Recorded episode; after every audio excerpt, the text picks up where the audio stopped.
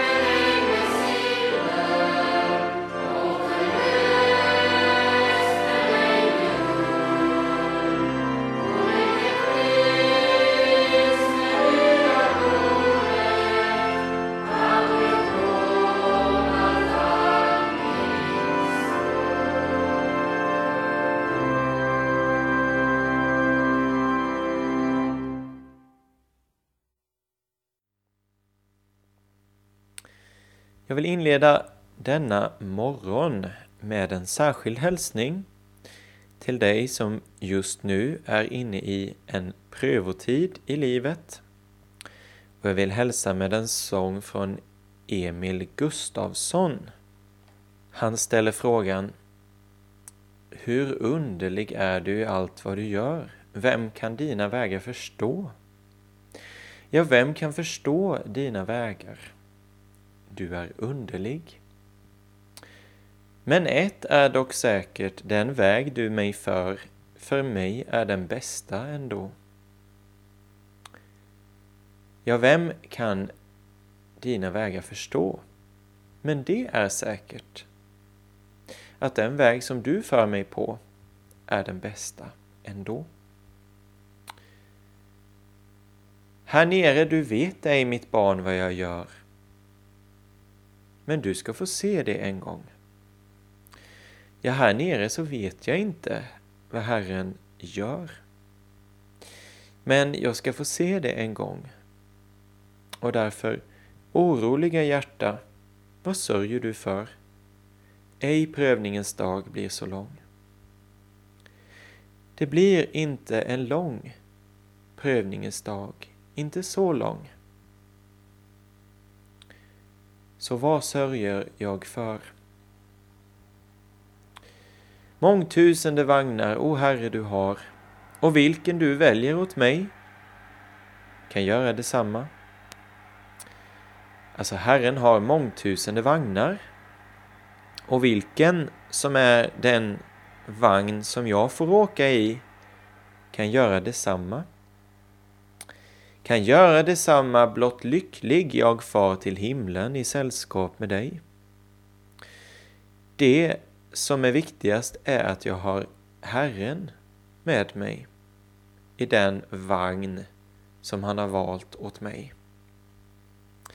Och när som Elia med ilande fart jag lämnar den ödsliga strand, ja, jag får lämna med ilande fart denna ödsliga strand en gång. All smärta försvinner och allting blir klart hos Jesus i fröjdernas land. Tänk fröjdernas land, det är något annorlunda mot denna smärta och denna prövningens dag hos Jesus i fröjdernas land. Tillbedjande ska vi då böja oss där och ropa mångtusen i kör. Rättfärdig och helig och Herre du är för evigt i allt vad du gör. Jag tänker att tillbedjande böja sig ner där och ropa Du Herre är rättfärdig och helig. Så avslutar Emil Så bidar jag stilla och nöjd med min del till dess alla varför fått svar. Mitt härliga hopp, det kan aldrig slå fel, ett arv utan like jag har. Ja, det finns ett härligt hopp som aldrig kan slå fel. ett arv utan like. Jag får bida stilla och nöjd med min del och min vagn här i livet. Må att få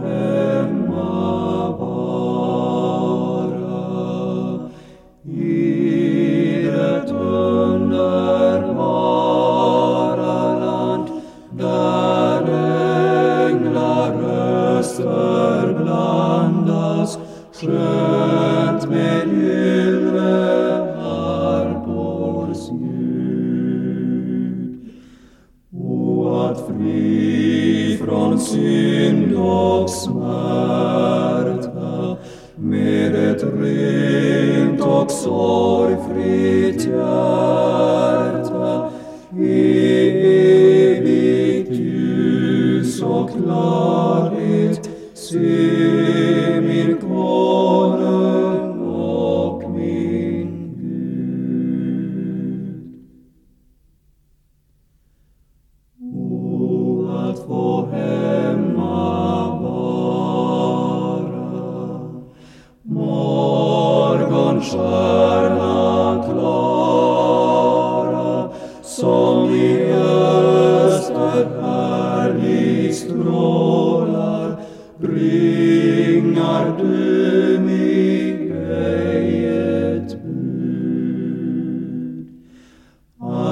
att min bröker som mitt hjärtas längtan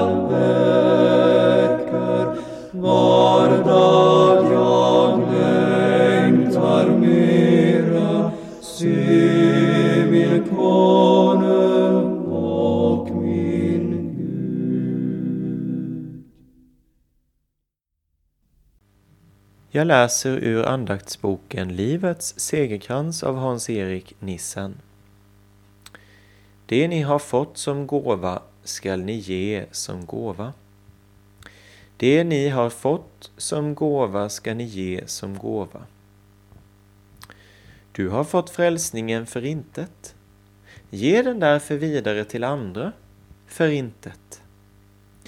Tänker du på att du har fått den som gåva? Lever du i det oförskyllda? Är du en nådekristen? Kan du instämma i att det var nåd att han fann dig, nåd att han vann dig och nåd att han bar dig hem till sig? Nåd. Att du är frälst beror helt och hållet på honom som har frälst dig. Hans nåd är också orsaken till att du har blivit bevarad. Och tänker du på den väg du ännu har kvar innan du når målet kan du inte tvivla på att Guds nåd är det enda som kan föra dig ända fram. I evigheten ska din sång till offerlammets pris mer än något annat vara en sång om nåden. Det var endast Herren som genom sin mäktiga styrka uppnådde sitt mål, att rädda oss. Det är saligt att andas och leva i nåden. Ge nu frälsningen vidare, lika oförskyllt som du själv har fått den. Räck den till dem som tror att de ska leva upp till en massa saker. Säg till dem att Herren överöser dem som ingenting har med nåd, utöver nåd. Berätta för dem vad du själv har erfarit, att med Jesus kom nåden. Att tro på honom är att ta emot för ingenting. Det ni har fått som gåva ska ni ge som gåva.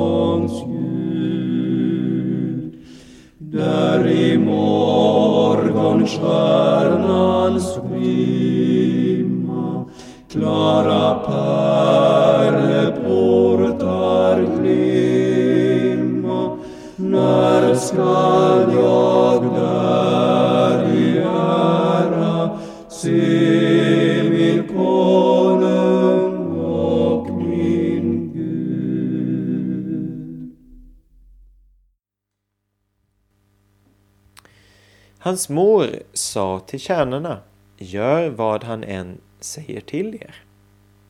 Gör vad han än säger till er. Många är så upptagna av vad de ska göra för Jesus att de aldrig blir riktigt stilla för vad han säger till dem. Därför bränner de ut sig i tjänsten. Och vad värre är, några blir så upptagna av att tjäna andra att de försummar att tjäna sig själva med Guds ord. Då har de kommit ut på det sluttande plan som leder till avfall. Jesus har något att säga till dig. Han gör det när du hör och läser hans ord. Lyssna till det. Repetera det för dig själv. Tillägna dig det i ditt innersta. Ta alla invändningar till fånga. Låt ordet få skapa tacksamhet. Då upplever du att det nu inte längre är du som är herre över ordet, utan du är inne under ordets makt. Du tror ordet och handlar efter det. Då har undret skett.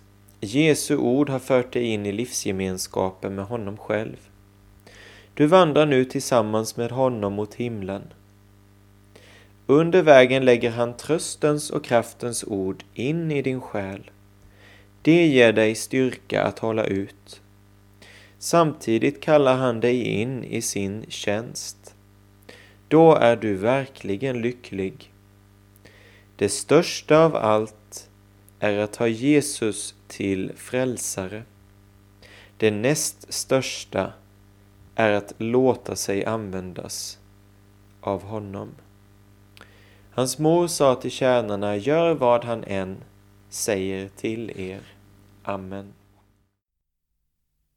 Om någon min Guds börja vill, min grund till sanning Om det ej hörer mera till, som man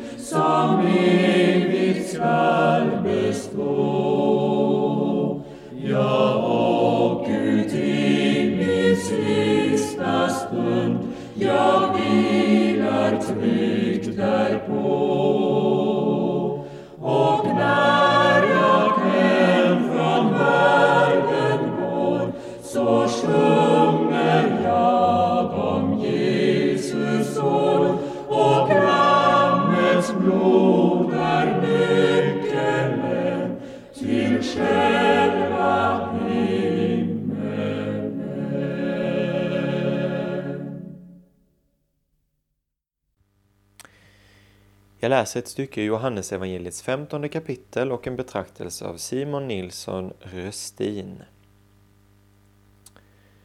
Liksom Fadern har älskat mig så har jag älskat er.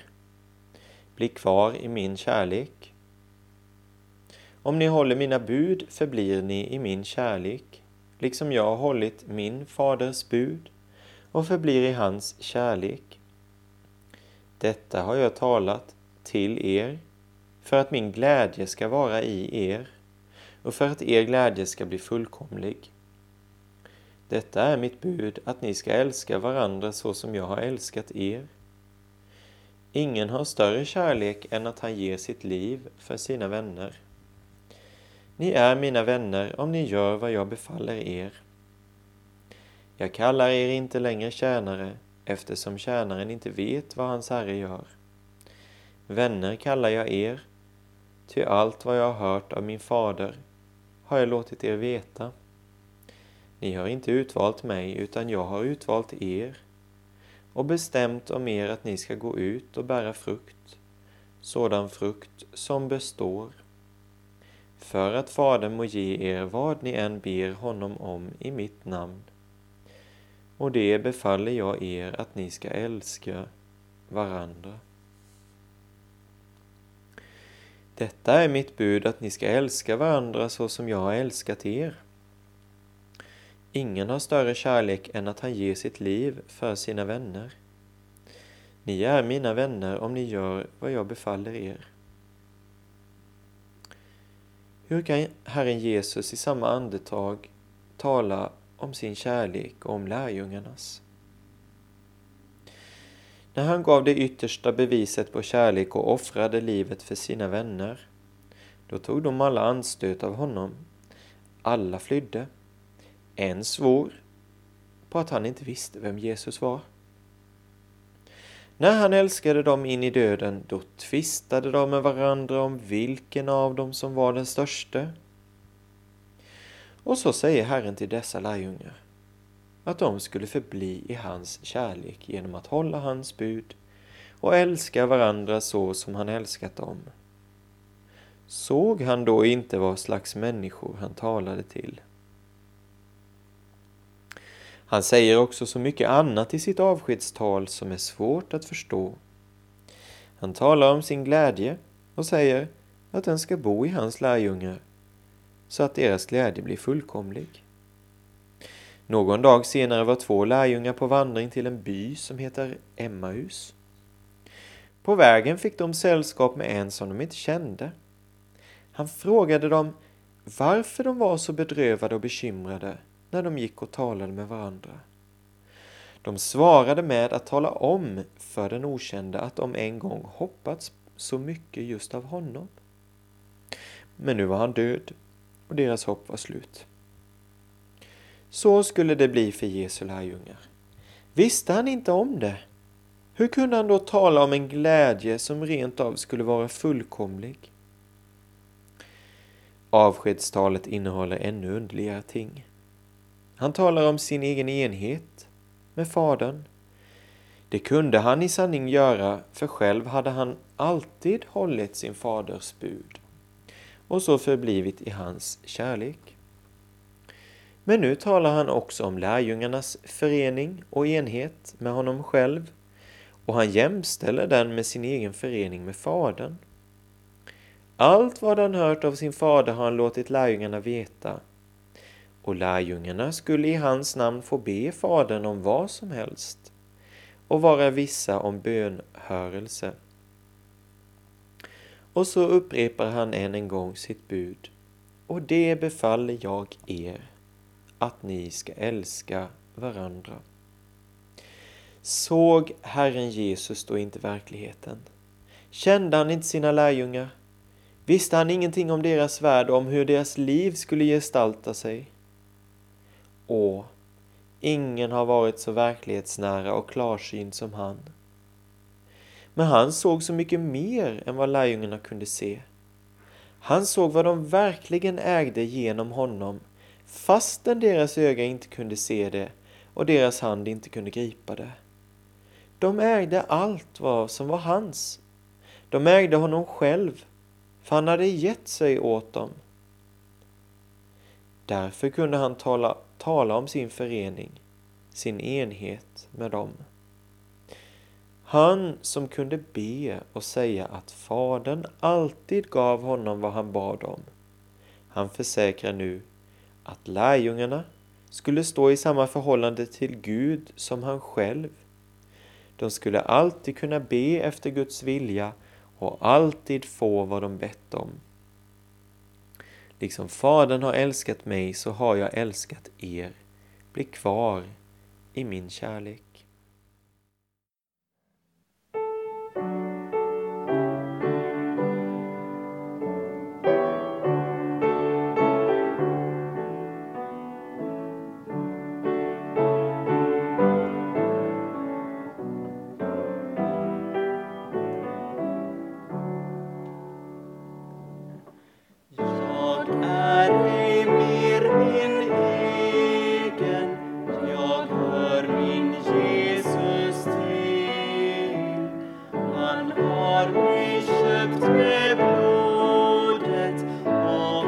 I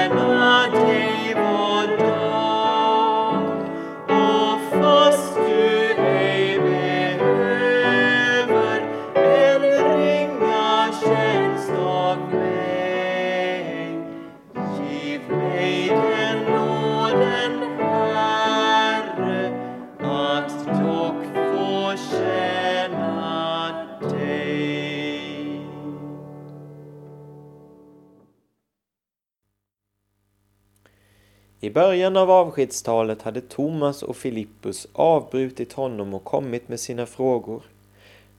När han hade talat länge märkte han att det var några av lärjungarna som ville fråga honom, men inte vågade. Nej, det som han talade om var så ofattbart att hans åhörare bara kunde lyssna och sedan minnas. Men förstå vad han sagt, det kunde de förvisso inte. Och vi, så många hundra år senare, vi har läst orden så ofta. Vi har kanske försökt tränga in i dem och fatta dem. Hur mycket har vi förstått? Nej, vi förstår inte mycket. Men det är så ljuvligt att få upprepa vad Jesus sa och veta att han verkligen menade det. Vi är säkert mycket skröpligare än de tolv, men ändå säger han detsamma till oss som till dem.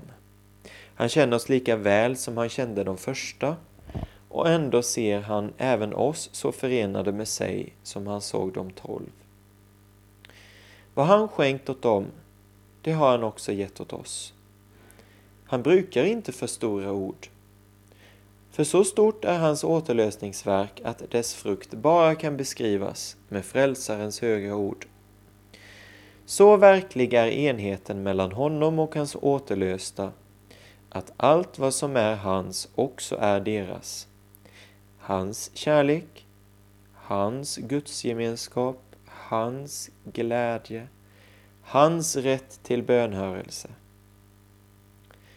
Den minste i hans rike har rätt att säga allt ditt är mitt och Jesus, för själv du är ju min.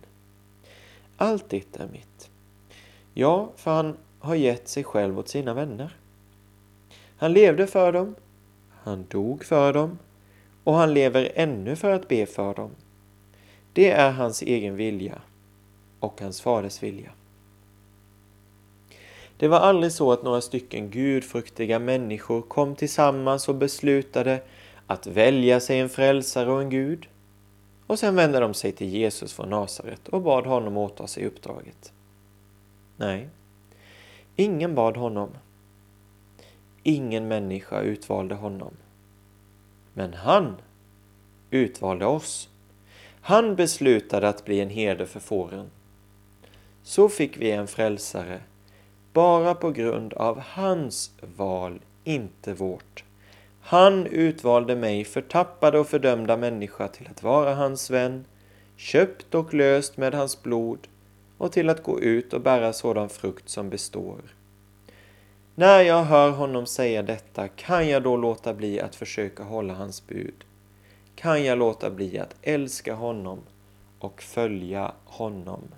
Amen. Fader vår som är i himmelen, helgat var det ditt namn. Tillkommer ditt rike. Ske din vilja så som i himmelen såg på jorden.